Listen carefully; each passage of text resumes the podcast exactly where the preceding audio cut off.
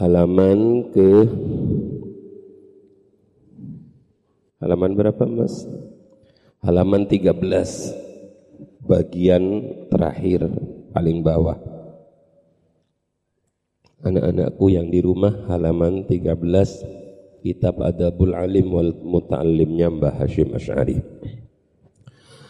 Bismillahirrahmanirrahim. Alhamdulillah wassalatu wassalamu ala Rasulillah la haula wala quwata illa billah ma ba'du. Qala al-muallifu hadratus Syekh Mbah Hashim Asy'ari nafa'ana Allah bihi wa bi'ulumihi wa amadana bi asrarihi wa a'ada alaina bi barakatihi fid dharaini amin ya rabbal alamin. Wa ghayatul ilmi al-amalu bihi li'annahu thamratuhu wa faidatul umri wa zadul akhirati faman dhafara bihi sa'idah wa man fatahu khasirah subhanallah ini kesimpulannya Mbah Hashim wa ghayatul ilmi utawe tujuan akhirnya ilmu.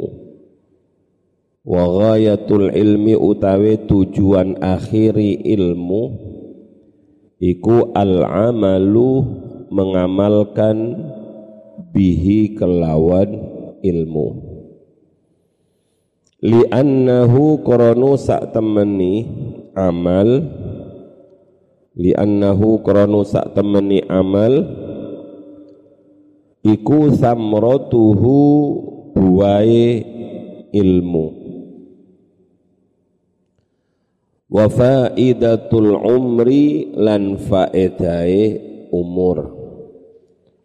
Wa zadul akhirati lan bekal menuju akhirat sanguni akhirat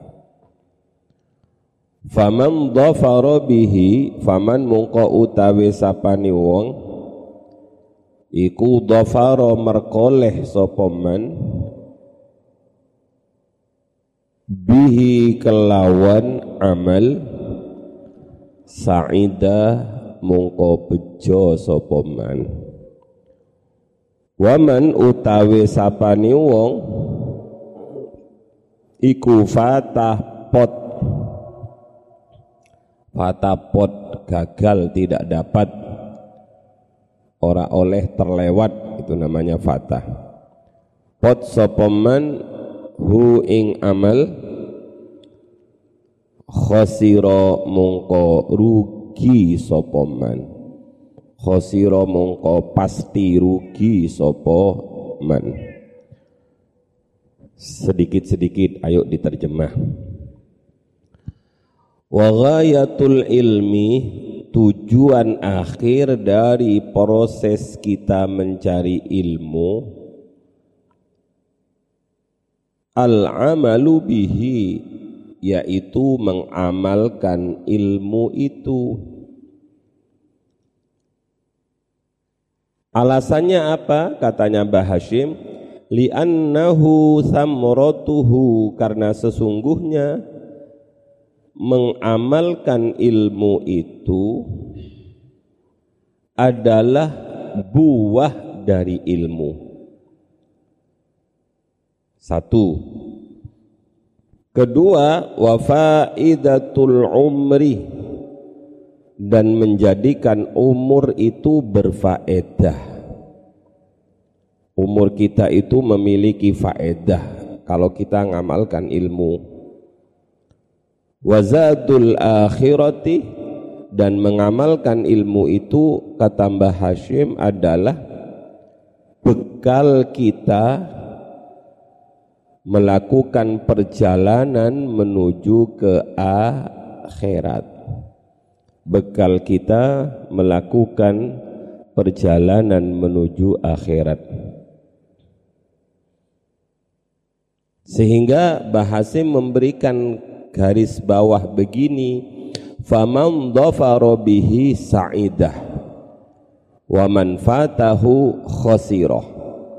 Barang siapa yang memperoleh amal dari ilmunya mengamalkan ilmu yang ia terima yang ia dapat maka orang itu sa'idah bejo beruntung berbahagia. Maksudnya sa'idah fid dunya wa sa'idah fil akhirah. Sa'idatud darain. Sebaliknya wa man fatahu orang-orang yang tidak mengamalkan ilmu yang ia miliki maka khosiroh dia termasuk orang-orang yang merugi. Rugi. Ada sa'idah ada khosirah. Ayo kita lihat satu persatu. Bismillahirrahmanirrahim Tujuan akhir dari proses kalian mencari ilmu itu bukan mengkoleksi ilmu, bukan mengkoleksi kitab, bukan mengkoleksi gelar. Tapi tujuan akhir daripada proses demi proses kita mencari ilmu itu adalah mengamalkan ilmu itu. Katanya Mbah Hashim, karena mengamalkan ilmu itu adalah buah dari pohon yang namanya belajar buah dari pohon yang namanya ilmu. Saya jadi ingat ada satu kisah yang disampaikan oleh Abah Romo Ki Haji Muhammad Jamaluddin Ahmad karena sekalipun saya adalah menantu beliau tapi saya adalah pengagum beliau, penderek beliau. Luar biasa. Beliau pernah bercerita pengalaman pribadi beliau. Saya lupa tidak mencatat tanggalnya, tahunnya. Inilah kelemahan saya. Tapi beliau waktu itu menyebut tahunnya dan tanggalnya. Kejadiannya begini katanya Abah Jamal. Suatu saat saya rombongan dengan beberapa tokoh, beberapa kiai, sowan mau sowan ke dalamnya Mbah Yai Bayudawi Lasem. Guru beliau di dalam perjalanan menuju ke dalamnya Mbah Baidawi itu hampir seluruh orang yang ada di mobil itu saling berbicara tentang muridnya, saling bertanya tentang santrinya. Kang, santrimu piro? Sewu. Kamu? Ah aku titik mau sepuluh ewu. Kamu piro?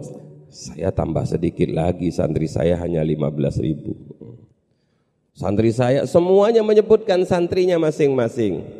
Dan itu adalah pembicaraan yang wajar karena kiai itu yang bicara adalah perkembangan pesantrennya pasti itu. Menurut saya itu adalah pembicaraan yang wajar. Pembicaraan yang semestinya daripada kiai-kiai di atas mobil mau sowan kepada kiai yang dibicarakan justru dunia kan kurang wajar. Lah sampean kalau ngomong sama kawannya kan ngomong kesenangan kamu. Tadi malam itu oh, Liverpool lawan Manchester United itu menang mana? Itu kan biasa begitu itu. Lah kiai-kiai ini adalah berbicara wajar karena membicarakan perkembangan pondok pesantrennya. Eh barangkali ada sesuatu yang bisa ditiru dari pesantren sana, ada yang bisa ditiru dari pesantren sana, amalan apa yang dilakukan pesantren sana, bagaimana cara menjaga santrinya. Itu adalah musyawarah yang menurut saya adalah wajar dan bagus. Tapi katanya Abah Jamal begitu sampai di dalamnya Bahdawi semua dipersilahkan. Monggo monggo kiai monggo monggo. Disukani kopi ya, terus monggo diunjuk kopi ini pun. Alhamdulillah. Enak kopi jahe Kau usah ngelirik kamu. Ini derajat kamu dengan derajat saya. Ini derajat saya kopinya pakai cingkir kamu pakai apa itu? Cup tapi sama-sama kopi. Tiba-tiba Mbah Dawi itu setelah para kiai-kiai itu duduk minum kopi, monggo-monggo jajani pun, jajani pun disambi, disambi. Awas bahasa di Sambi itu kalau orang Madura bahaya. Di Sambi itu dibawa pulang. Monggo jajannya di Sambi langsung dibawa masukkan ke tas. Lo badai mau dibawa ke mana? Lo katanya Kiai tadi di Sambi. Hmm, kalau atok bertamu bahaya di Sambi betul. Begitu selesai dahar-dahar begitu belum bahas apa-apa, belum matur apa-apa, tiba-tiba Mbah Dawi dawuh ngeten katanya Abah Jamal. Syajaratun musmiratun khairun min alfi syajarin ghairi musmiratin. Tulis. Syajaratun utawi satu pohon musmiratun kang berbuah. Khairun jauh lebih bagus. Min alfi syajarin dibandingkan seribu pohon. Ghairi musmiratin. Ghairi musmiratin pakai sa. Yang tidak berbuah Dawuhnya luar biasa. Syajaratun musmiratun khairun min alfi syajarin ghairi musmiratin. Apa maksudnya nak? Satu pohon yang berbuah itu jauh lebih bagus dibandingkan seribu pohon tanpa buah. Karena yang didawi kiai-kiai, maksudnya kiai-kiai nom ya, langsung nundu itu namanya diingatkan oleh seorang tokoh sufi agar yang dilakukan oleh pesantren itu berusaha silahkan menanam pohon sebanyak-banyaknya. Kalau saya mengartikan begini, silahkan perbanyak lahannya, perluas lahannya, tanam pohon sebanyak-banyaknya. Silahkan lakukan inovasi apa pun agar pohon kamu semakin banyak. Tapi ingat, ingat satu pohon yang berbuah jauh lebih baik dibandingkan seribu pohon yang tidak berbuah. Hati-hati maksudnya. Usahakan santrinya itu satu santri tapi bermanfaat pulang menjadi orang yang bermanfaat di tengah masyarakat lebih hebat, lebih bagus dibandingkan seribu santri yang tidak bermanfaat. Sekarang balik saja dibalik. Seribu santri yang bermanfaat jauh lebih bagus dibandingkan satu santri yang tidak bermanfaat. Ya insya Allah makanya pesantren-pesantren itu salah satunya kitab yang harus dibaca adalah taklimul muta'allim. Agar apa? Agar tanaman yang bernama santri itu kelak berbuah, bermanfaat. Mudah-mudahan dengan barokahnya Mbah Hashim semuanya menjadi pohon-pohon yang berbuah. Amin. Allahumma amin. Tulis itu yang pertama. Al-ilmu bila amalin tulis lagi al ilmu bila amalin kasyajaratin bila samarin ilmu yang tidak disertai amal maka laksana pohon yang tidak ada buahnya Al ilmu bila amalin kasyajaratin bila samarin. Ilmu yang tidak disertai dengan amal maka laksana pohon yang tidak ada buahnya. Saya tutup tentang buahnya ilmu itu adalah amal dengan satu hikmah yang ditulis oleh Syekh Ibnu Athaillah As-Sakandari dalam kitab Al-Hikam. Beliau menulis hikmah tentang buah. Ini begini. Falaisa, ayo di saya dikte, tulis. Falaisa al muradu minas sahabati minas sahabati al amtoru al amtor al amtoro amalnya Laisa apa sih? Apa amalnya Laisa itu? Sering kalian itu kebolak-balik.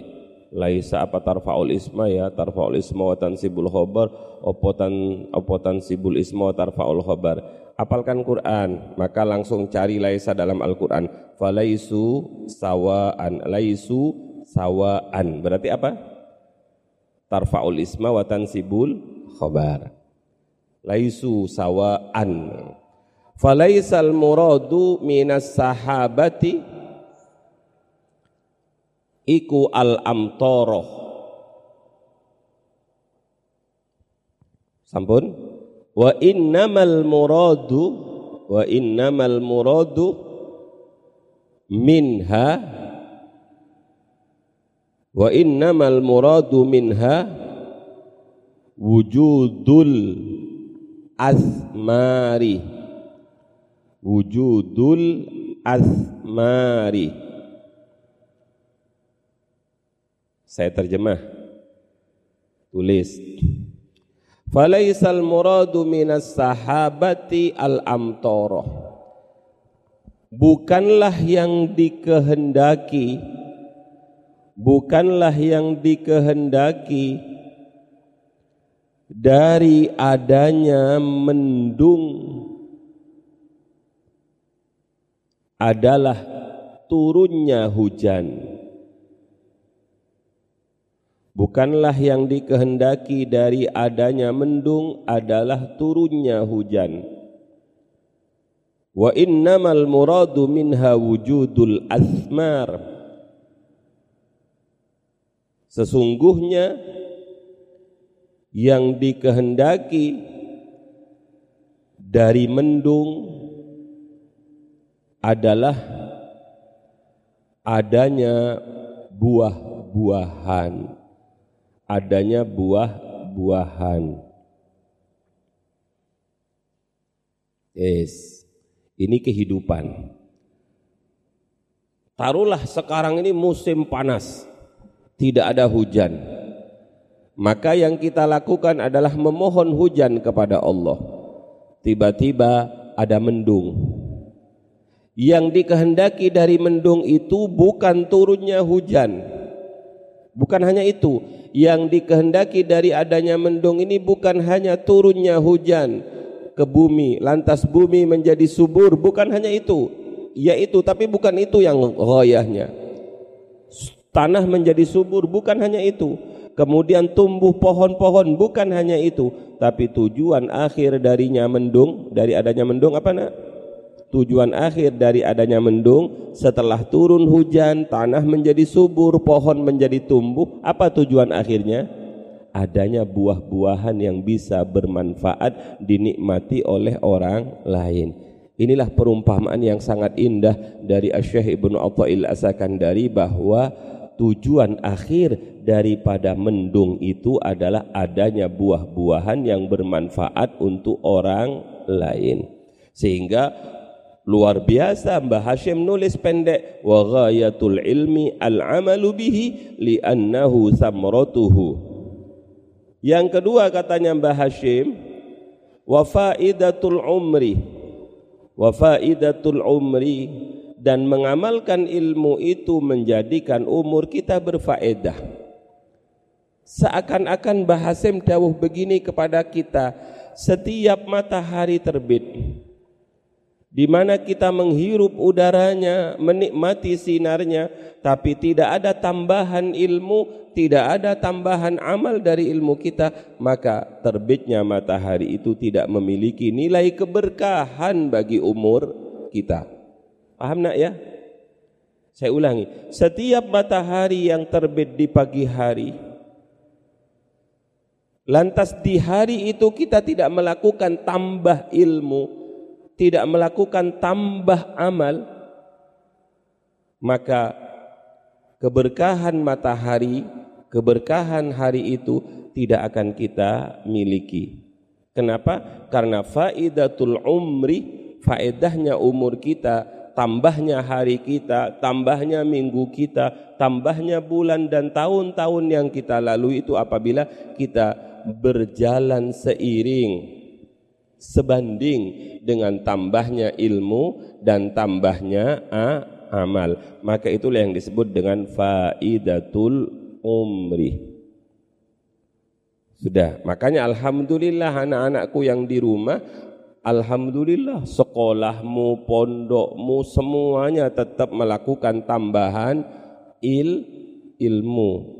Kenapa? Biar hari-harimu tetap disertai dengan keberkahan umur. Yang ketiga katanya Mbah Hasim wazadul akhirati amal dari ilmu itu adalah bekal melalui perjalanan yang amat sangat panjang menuju sebuah tempat yang disebut dengan akhirat. Kita hari ini sedang apa? Nyari sangu. Untuk apa? Untuk perjalanan kita yang panjang. Melintasi lautan yang tidak bertepi maka kita butuh bekal dan bekal kita itu adalah ilmu dan amal. Kenapa saya bilang ilmu dan amal? Sebab ilmu bila amal tidak menjadi bekal. Amal tanpa ilmu walaupun bekal itu tapi ya gak bisa jadi bekal. Sebab ada ayat watazawwadu fa inna khairaz zadit taqwa tulis wa tazawwadu fa inna khairaz zadit taqwa berbekallah kalian dan sebaik-baiknya bekal adalah ketakwaan. Apa maksudnya takwa nak? Apa yang dimaksud takwa? Imtis paling sederhana adalah imtithalul awamiri wajtinabun nawahi. Melakukan perintah Allah dan menjauhi larangan-larangan Allah.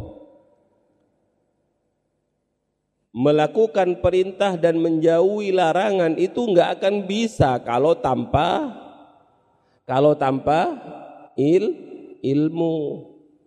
Maka ilmu kemudian dibarengi dengan amal itu adalah takwa bekal kita sowan kepada Allah Subhanahu wa taala. Bismillahirrahmanirrahim. Faman dhafara bihi sa'idah wa man fatahu khasirah. Kesimpulan akhir Bahasim kemudian menilai membagi manusia itu menjadi dua.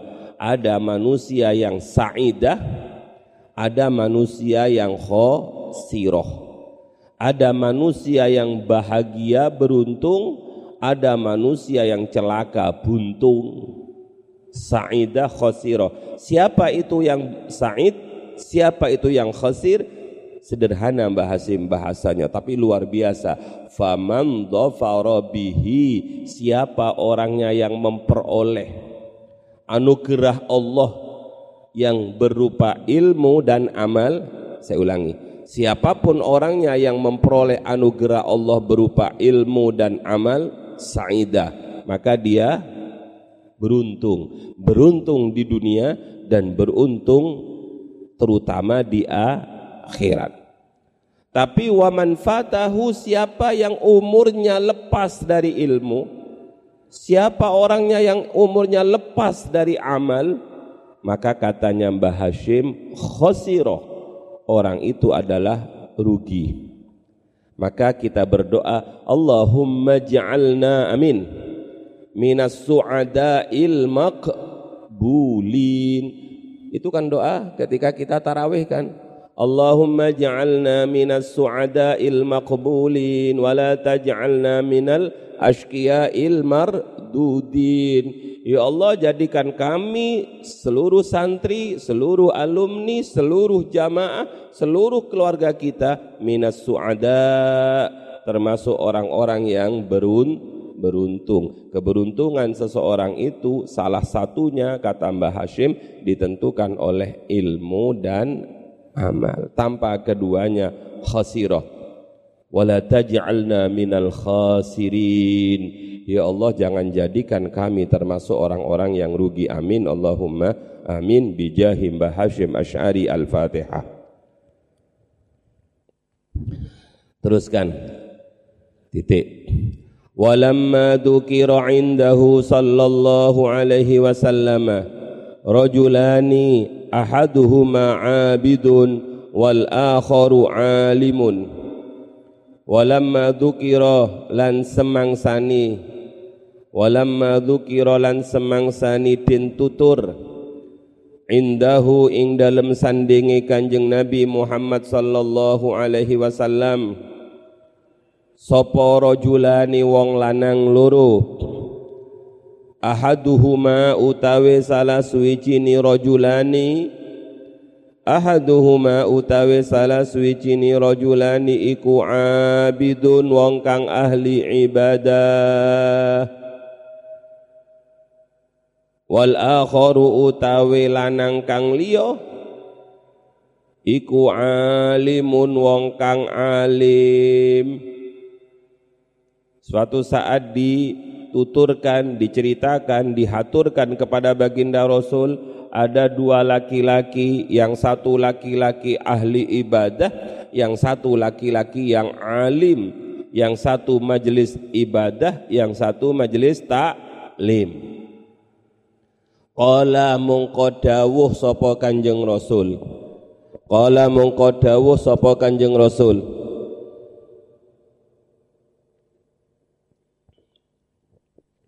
Dawuhnya Rasul fadlul alimi alal abidi kafadli ala adnakum. Fadlul alimi utawi kautamaani wong alim alal abidi ngalahaken wong kang ahli ibadah iku kafadli koyok keutamaan ingsun kanjeng nabi. Ala adnakum ala adnakum ingatasi luwe andap-andape siro kabeh. Luwe andap-andape sira kabeh. Titik ayo diikuti.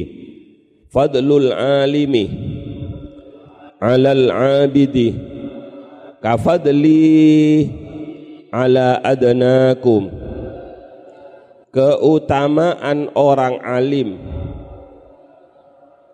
terhadap orang ahli ibadah laksana keutamaanku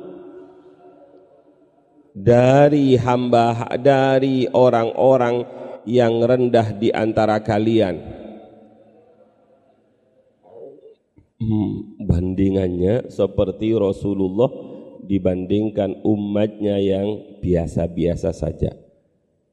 Ya jelas mulia Rasulullah.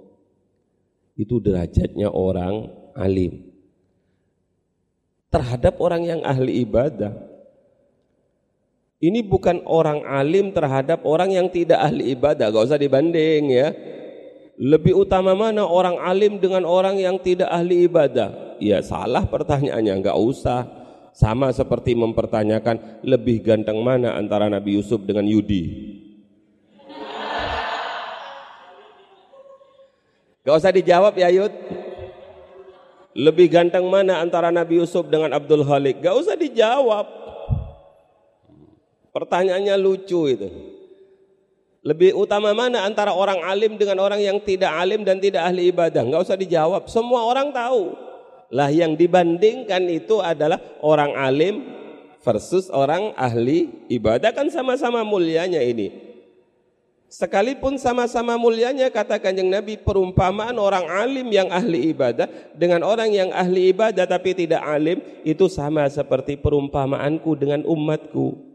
Ya jelas lebih utama Rasulullah sallallahu alaihi wasallam. Oh inilah yang harus menjadi motivasi penyemangat bagi kita bahwa ayo rajin, ayo bersungguh-sungguh karena kita masih betul-betul dalam usia yang produktif. Otak kalian ini adalah otak-otak emas, otak-otak hebat. Jangan kayak bandeng otak-otak ini. Otak kalian ini otak-otak yang cemerlang. Lah bagaimana otak-otak yang cemerlang ini dibuat tidur, habis itu ngegame, habis itu habis ngegame ngejim, habis ngejim futsal, habis futsal ngopi. Iya, eman. Karena usia tidak akan kembali kembali belajar sebelum kalian menjadi sayyid. Apa ya tak? Ta'allamu qabla an sayyadu Belajarlah kamu sebelum kamu menjadi pemimpin. Sebab kalau sudah tua, sudah menjadi gusti, sudah menjadi pemimpin, sudah berkurang waktu untuk belajar. Yes, semangat mas, semangat. Yes, semangat. Uh, Bismillahirrahmanirrahim. Itu satu. Fadlul alimi alal abidi ka fadli ala adnakum yang dinukil oleh Mbah Hashim Asy'ari. Di hadis yang lain, dalam hadis yang panjang, Kanjeng Nabi juga menyampaikan di tengah-tengah hadis itu, wa inna fadlal alimi 'alal 'abidi. Tulis, wa inna fadlal alimi wa inna fadlal alimi 'alal 'abidi kafadlil qamari kafadlil qamari lailatal badri ala sairil kawakibi awas anak-anakku yang di rumah ngaji kalian nanti ditaftis. Tapi yang di sini nggak ada taftisannya. Karena saya melihat sendiri kamu nyatet yang nggak nyatet paling enggak satu tadi yang nggak nyatet bagus. Kenapa? Karena pennya bermasalah. Ini kasihkan ke bagus pen ini. Hmm. Saya tahu mana yang nyatat, mana yang nggak nyatat. Aku bagus ngosok-gosok ini. Gosok-gosok pen itu sebelum kamu ngaji. Jangan pas ngaji dikontrol pennya. Es Gus, ambil itu pen. Besok yang ingin dapat hadiah pen dari saya pura-pura gosok. Gitu. Sudah diteruskan. Kanjeng Nabi dawuh wa inna fadlal alimi alal abidi ka fadlil qamari ka fadlil qamari lailatal badri lailatal badri ala sairil kawakibi ala sairil kawakibi. Artinya kata kanjeng Nabi dawuh beliau adalah keutamaan orang alim di atas orang ahli ibadah itu semisal seperti keutamaannya rembulan pada malam purnama rembulan pada malam purnama terhadap bintang-bintang. Pas tanggal 14, tanggal 15, sampai lihat ketika bulan sedang purnama, maka cahayanya lebih terang mana dibandingkan bintang? Iya, lebih terang rembulan. Itu perumpamaan orang alim yang ahli ibadah terhadap orang ahli ibadah yang tidak alim. Terus gimana ya? Gimana? Ah, gini gini, ada kisah.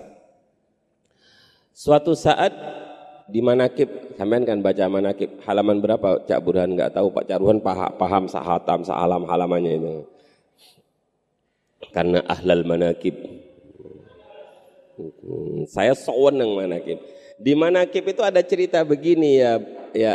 Sampean kan sering baca setiap malam Selasa kan baca manakib. Di manakib itu ada cerita tentang Syekh Abdul Qadir Al-Jilani ya. Syekh Abdul, Al, Syekh Abdul Qadir Al-Jilani itu suatu malam didatangi oleh iblis. Ketemu enggak Ham? Sebelah mana itu Ham? Didatangi iblis dalam bentuk sinar. Di pojokan di atas atapnya itu ada ada ada sinar putih. La ilaha illallah. La ilaha illallah. Artinya Allah, Allah, Allah, Allah, Allah, Allah, Allah, Allah, Allah. Tiba-tiba sinar itu berkata begini, Hei Abdul Qadir, ibadahmu sudah hebat, keikhlasanmu sudah luar biasa. Mulai hari ini, malam ini, saya halalkan semua yang haram. Begitu ya? Saya haramkan semua yang halal. Cak Burhan bisa ambil manakib saya bacakan. Uh, kalau kalau kalau di kamar nggak usah Cak Burhan nggak balik-balik nanti sampean. Besok aja dibaca itu. Saya halalkan barang yang haram. Syekh Abdul Qadir di, diuji seperti itu, dibilangi seperti mulai hari ini semua yang haram-haram itu halal. Apa kata Syekh Abdul Qadir? Pergi terlaknat. Nyingkir kamu dari hadapan saya. Wah iblisnya ketawa, kakak kakak kakak. Wahai iblis terlaknat, pergi kamu. Kemudian katanya iblis, eh, eh, kamu kok tahu kalau saya ini iblis? Ya tahu, inilah gunanya ilmu. Inilah keutamaan ilmu. Akhirnya iblis berterus terang. Jadi iblis itu pernah berterus terang juga itu. Akhirnya iblis berterus terang. Eh, Abdul Qadir, karena ilmumu luar biasa, ibadahmu luar biasa, maka kamu tahu kalau saya ini adalah iblis.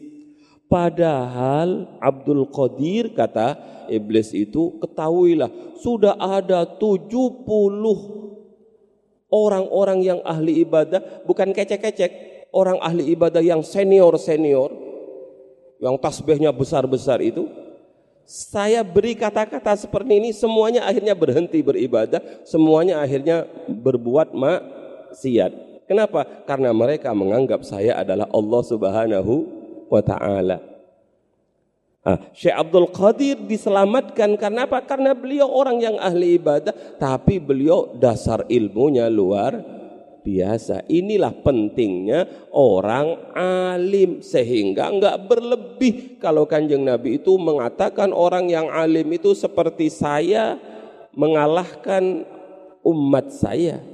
Derajat orang alim di atas orang yang ahli ibadah yang tidak alim itu seperti rembulan di bulan purnama mengalahkan sinar bintang gemin gemintang itu namanya kafadli ala adnakum. Yang dalam riwayat yang lain adalah apa tadi? Kafadlil qamari lailatal badri ala sairil kawakibi. Lanjut. Bismillahirrahmanirrahim. Wa qala lan dawu sapa Kanjeng Nabi sallallahu alaihi wasallam. Man salaka tariqan. Man salaka tariqan. Yatlubu fihi ilman. Ini ini bahasim. Gak usah kamu bilang lo kok redaksinya salaka? Yatlubu. Padahal saya itu pernah dengar man salaka tariqan yaltamisu fihi ilman. Ya. Eh gak usah takut. Ilmu kita dengan bahasim itu Mbah Hasim itu terkenal ahli hadis. Mbah Khalil terkenal ahli nahwu. Makanya ketika Mbah Khalil Mbah Hashim sudah mendirikan pondok pesantren, Mbah Khalil datang ke Mbah Hashim untuk belajar ha, hadis. Itu bukan berarti jangan kau artikan Mbah Khalil itu ilmu hadisnya hadisnya jauh dari Mbah Hashim. Tidak, itu adalah pengakuan dari Mbah Khalil atas kehebatannya Mbah Hashim. seakan-akan Mbah Khalil bilang kepada murid-muridnya yang banyak itu, aku wae ngaji nang Hashim. Maka ayo kamu juga podo ngaji sama seperti saya. Itulah penghormatan seorang guru terhadap muridnya yang hebat. Ya, suatu saat mungkin kalau kamu sudah punya pondok, saya tak mondok di rumahmu. Hmm, tapi ya jangan lama-lama lah. Merepotkan nanti. Itu Mbah Hashim. Lah, makanya kalau Mbah Hashim nulis uh, man salaka tariqan yatlubu fihi ilman salakallahu bihi tariqan min turukil jannah. Di riwayat yang lain yang kita baca adalah man salaka tariqan yaltamisu fihi ilman sahhalallahu lahu tariqon ilal jannah. Sama intinya. Uh, man uh, man utawi sapani wong iku salakah ngambah menempuh sapa man? Torikon ing dalan. Torikon ing dalan. Yatlubu yatlubu golek sapa man? Fihi ing dalem tarik ilman ing ilmu. Salaka salaka mungko ngambah ake memperjalankan. Sapa Allahu Allah. Bihi kelawan man. Torikon ing dalan min turukil jannati saking piro-piro dalan menuju sorga. Dalam riwayat yang lain sahhalallahu lahu tariqan ilal jannah. Diartikan, siapa pun orangnya, ini santri banget ini, kalian ini, dan orang-orang yang sering mengikuti majelis taklim. Barang siapa berjalan, menempuh perjalanan, menumpuh jalan yatlubu fihi ilman di mana menempuhnya jalan itu tujuannya untuk mencari ilmu untuk mencari ilmu salakallahu lahu salakallahu bihi tariqan maka Allah akan memperjalankan orang itu di sebuah jalan min turukil jannati dari jalan-jalan menuju sorga. Subhanallah. Eh, sudah ada enggak pengalaman? Ada enggak di antara kita yang pengalaman jalan menuju sorga ikut ke mana? Lewat Ndio. Awas loh, nanti di akhir itu gak ada Google Map. Google Map jalan menuju sorga. Ya mulai hari ini kita sudah membuat jalan, menyiapkan jalan, merintis jalan. Sehingga kelak ketika kita di akhirat sudah ada kaplingan jalan. Di mana jalan itu adalah jalan khusus, jalan tol, jalan terowongan yang tidak perlu berdesak-desaan. Kenapa? Karena jalan itu sudah dipermudah oleh Allah. Sudah tidak ada hambatan, sudah bebas rintangan, bebas macet, bebas genangan. Kenapa? Karena ini adalah jalan-jalan yang diperuntukkan bagi orang-orang yang dalam hidupnya sering berjalan menuju majelis ilmu. Subhanallah, alhamdulillah. Maka kita mungkin di akhirat nanti bolehlah kamu sekali-kali ketika bingung itu. Dia jalan menuju sorga. Sudah ada panitia khusus. Karena kamu sudah pakai istilah tolibul ilmi. Eh, tolibul ilmi. Salikul ilmi. Hehehe, yang ada tanda pelajarnya, sini, sini, lewat sini, lewat sini. Kata malaikat, ayo rombongan bareng saya. Wut, langsung sorga, Alhamdulillah. Maka jangan males berangkat sekolah. Kadang-kadang anak-anak itu disuruh sekolah, mualliminya di sana loh sekolahnya. Tapi kok ke sana itu namanya tersesat jalan. Disuruh sekolah eh kok ke warung kopi awas loh di akhirat juga tersesat. Ah, mudah-mudahan Allah mempermudah jalan kita menuju surga. Amin Allahumma amin. Terakhir, terakhir. Qala wa qala sallallahu alaihi wasallam. Jadi kesimpulannya orang yang hari ini sering berjalan menuju tempat ilmu maka dia sudah membangun jalan menuju sorga. Dia sudah menyiapkan jalannya sendiri menuju sorga. Dia sudah merintis perjalanan menuju sorga. Sehingga ketika di akhirat dia nggak akan salah arah. Di akhirat dia tidak akan kena macet. Di akhirat dia tidak akan dicegat-cegat oleh polisi-polisi itu nggak akan dicegat. Mustol. Karena apa? karena etolmu sudah lengkap etolmu sudah penuh terakhir wa qala sallallahu alaihi wasallam talabul ilmi faridatun ala kulli muslimin wa muslimatin talabul ilmi utawi nyuprih ilmu bahasanya itu Tolib. Tolib itu apa sih nak? Mencari. Tolabul ilmi mencari ilmu. Eh, apa nak namanya mencari ilmu? Bahasanya bukan nemu ilmu. Beda ndak antara orang mencari dengan nemu? Sampean mau ke sungai, mau mencari mutiara, maka kamu harus mempersiapkan diri, mempersiapkan pakaian, mempersiapkan alat. Karena apa? Karena kamu mencari, bukan menemukan mutiara. Namanya mencari modal.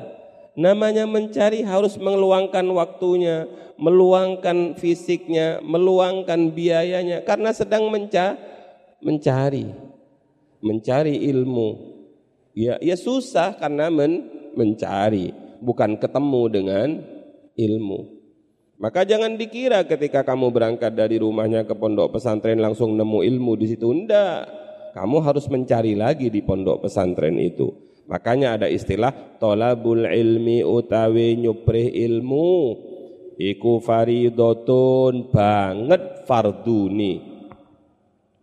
Iku faridotun banget farduni ala kulli muslimin ing atase saben-saben wong muslim lanang wa muslimatin lan wong muslim wadon wa muslimatin lan wong muslim wadon tidak ada perbedaan antara laki-laki dan perempuan dalam hal mencari ilmu. Jangan batasi perempuan itu mencari ilmu. Jangan batasi dia mencari ilmu.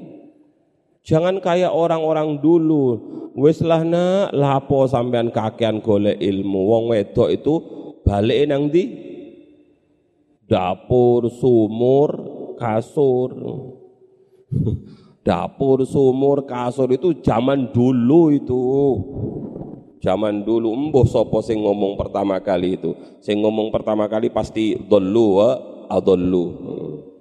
Ya kita kita tafsiri yang bagus saja. Dapur, sumur, kasur yang berkualitas ibadah.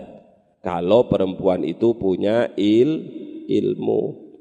Jangan kau beda-bedakan kalau kamu punya anak laki-laki dan perempuan berikan kesempatan yang sama sebab orang itu akan mulia dengan ilmu.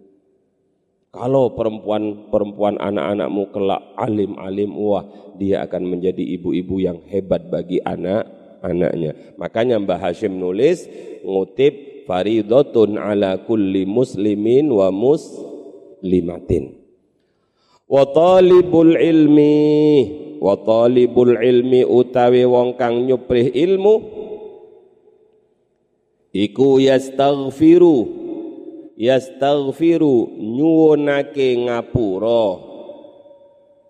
Nyuwunake ngapura. Lahu kedue talibul ilmi apa kullu syai'in apa kullu syai'in saben-saben suwiji-wiji hattal hut hattal huti sehingga ikan laut fil bahri ing dalam segoro ing dalam lautan. Fil bahri ing dalam segoro subhanallah. Orang yang mencari ilmu itu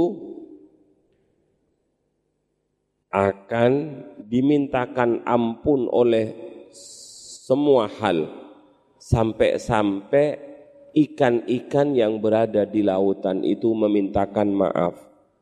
Inilah mulianya orang yang mencari ilmu sehingga wajar kalau orang yang ahli ilmu itu bersih. Kenapa?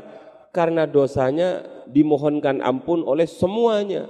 Bahkan laut-laut itu juga akan memintakan ampun. Ya Allah, santri-santri al-amanah, tolong panjenengan ampuni khilafnya, ampuni salahnya. Padahal di laut itu berapa sih iwannya? Berapa sih ikannya di laut itu? Ya enggak ada yang tahu, saya yang tahu. Ada dua di sana, ikan teri dan selain teri. Selain terinya itu banyak. Oh banyak sekali dan ikan-ikan itu memintakan memintakan ampun. Maka ada kiai yang fanatik dengan hadis ini. Saking fanatiknya dengan hadis ini, beliau tarkidiruhin. Tarkidiruhin itu apa maksudnya? Meninggalkan makanan yang bernyawa. Ketika dikasih ikan pindang, maaf, tidak mau. Kenapa? Dia memintakan maaf untuk saya. Dikasih teri, maaf. Dia memintakan maaf untuk saya. Dikasih tempe, Ah, iya ini. Dikasih tahu, ya ini. Ada loh kiai yang seperti itu. Luar biasa. Saya punya hutang banyak kepada teri ini. Kenapa? Karena setiap saat teri ini memintakan maaf untuk saya. Kok tega-teganya saya makan teri? Ada ndak kiai yang begitu? Ada nak. Makanya di daerah Gresik itu ada orang-orang Gresik itu kan tidak makan apa? Ikan apa? Ada yang Gresik ini? tidak makan lele karena suatu saat ada leluhurnya dulu ditolong oleh ikan lele. Gak kolu kalau makan ikan lele itu. Bahkan kadang-kadang keluar bintik-bintik gatel. Itu saking orang-orang itu uh, apa ya? Uh, apa istilahnya? Balas budi. Gak tega aku kalau makan ikan itu. Kenapa? Karena ikan itu yang mendoakan saya. Lah kalau menurut ahli kesehatan itu ya salah. Kenapa? Karena ikan itu mengandung protein yang me mencerdaskan otak. Wes bagi mereka otaknya sudah cerdas. Kenapa? Gara-gara ibadahnya luar biasa. Kita yang makan ikan setiap hari gak belajar ya gak cerdas-cerdas. Sekalipun gisimu hebat, makannya hebat, tambah sekarang makannya tiga kali ya. Makan tiga kali, kopi dua kali, jajan, wes tapi kalau nggak ngaji, kalau nggak belajar ya tetap aja nggak cerdas. Sudah hatal hitan sehingga ikan-ikan di dalam laut itu memintakan ampun. Saya sempat mencatat redaksi yang lain. Wa innal alimah tulis. Wa innal alimah yastaghfiru lahu. يستغفر له. كل شيء من السماوات إيه bukan. يستغفر له. كل من كل من في السماوات ومن في الأرض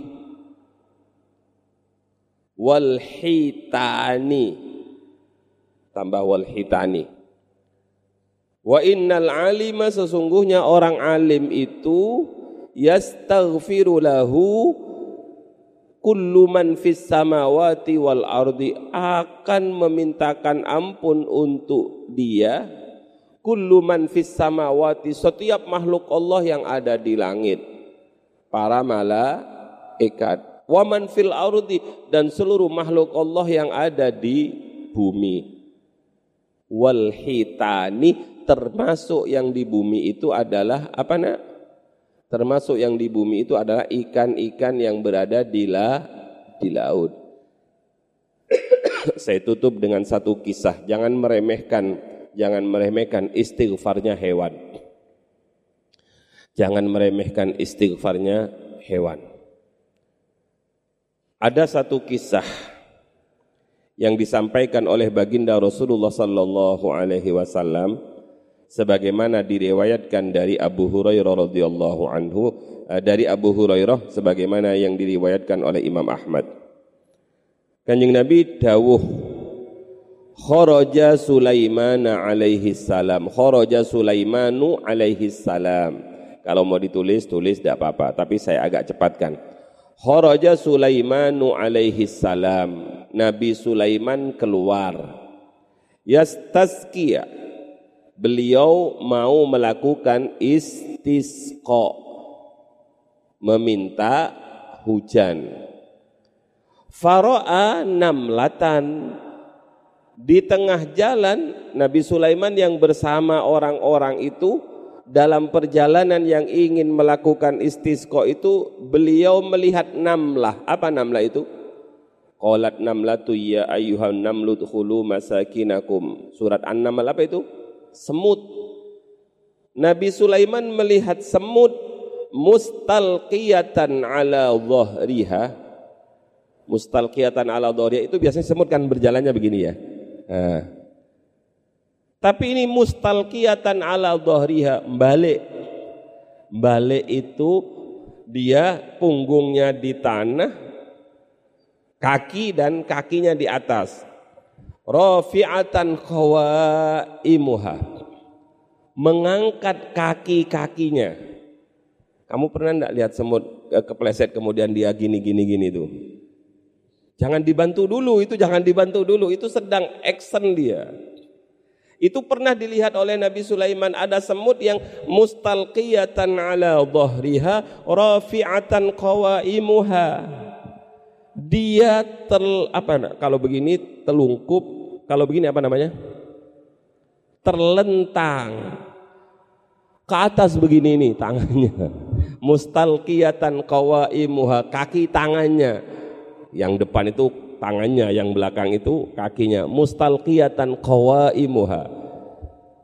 Ila sama diataskan ditengadahkan ke atas langit karena Nabi Sulaiman itu paham diberi ilmu oleh Allah, paham bahasa semua makhluk, maka Nabi Sulaiman mendengar semut itu berdoa begini, Allahumma inna khulqun min khalqika laisa bina ghinan an suqyaka.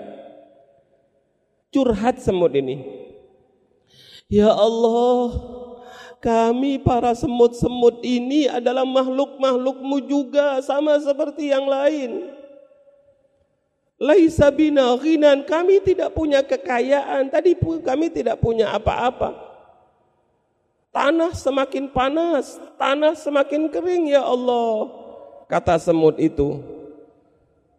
Kemudian ansuk yaka, kami tidak bisa, kami amat sangat butuh terhadap siraman kamu sebab bumi sudah terlalu panas ya Allah. Melihat semut yang terlentang seperti ini, tangan dan kakinya ditengadahkan ke atas langit sambil mengucap, Ya Allah kami adalah hamba-hambamu yang tidak bisa menyirami diri kami sendiri, kami adalah makhlukmu yang butuh pada siramanmu. Melihat menyaksikan, mendengar sermut seperti ini, Nabi Sulaiman fatabassama dahikan. Nabi Sulaiman tersenyum sambil berkata, "Pasukan, balik, mulai." Pasukan, kita pulang, kita pulang. Kata pasukannya, kata tentaranya, "Lah Nabi Sulaiman belum sempat istisqa kok sudah pulang?" Irji'u kata Nabi Sulaiman, faqad sukitum bidakwati ghairikum. Faqad sukitum bidakwati ghairikum. Kata kanjeng Nabi, faqad sukitum kalian telah betul-betul disirami, dihujani oleh Allah bidakwati ghairikum. Apa artinya nak? Dengan doa selain kalian Mustajabah enggak? Mustajabah semut itu. Maka ketika kamu ngangkat, Ya Allah turunkan hujan, geruduk-geruduk hujannya turun, ojo sombong. Itu semut-semut juga sedang berdoa. Yang mustajabah tutup doa kita, tapi doanya semut. Maka jangan injak-injak semut itu. Tapi semut itu menggigit kaki saya. Kalau nggak diinjak nggak gigit. Tapi ketika diinjak semua orang pasti mempertahankan diri. Maka ada dulu pada zaman uh, diceritakan oleh baginda Nabi di depan para sahabat ada salah seorang nabi nabi minal anbiya. Ada seorang nabi tidak disebut oleh nabi oleh Nabi Muhammad nabi siapa itu. Ada seorang nabi ketika dia sedang beribadah tiba-tiba dia digigit semut. Marah. Aku digigit Hei semut, golek nu, siapa sing gigit aku itu? Harus ketemu siapa yang gigit saya itu. Saya tidak tahu Nabi siapa itu, jangan-jangan Nabi Sulaiman itu. Tapi nggak tahu lah siapa itu. Golek. Akhirnya digolek nak, diseret satu semut yang gigit. Niki Nabi yang gigit jenengan. Niki Nabi yang gigit jenengan. Disetorkan, iki semut yang gigit ini. Seharuskan kan ini saja yang dipites ya ih kamu tuh gigit saya. Enggak, saking marahnya Nabi ini, sarangnya semut itu dibakar. Sarangnya semut itu dibakar. Akhirnya Allah marah. Allah dawuh pada Nabi itu, eh yang salah satu kok dibakar semua. Padahal yang lain itu adalah semut-semut yang sedang bertas B. Paham nak? Ayo mulai hari ini jangan gampang-gampang membunuh hewan. Kenapa? Karena hewan-hewan itu pekerjaannya adalah bertasbih. Gara-gara satu semut, seluruh penghuni semut di leng itu disiram. Makanya di sinilah anak-anak kalau kalian pipis dulu ketika kecil itu kan senangannya pipis golek bolong-bolongan gitu. Hmm, ditan, curut, oh, curut kena bolongannya semut ojo itu kebanjiran itu di dalam. Oh banjir banjir yo nek banjir air tapi banjir pesing itu. Maka nggak boleh kita pipis di sembarang tempat apalagi di situ ada bolongan di situ mungkin ada makhluk-makhluk Allah yang sedang bertasbih yang sedang berdoa dan salah satu yang didoakan oleh mereka adalah mendoakan kita para tolibul ilmi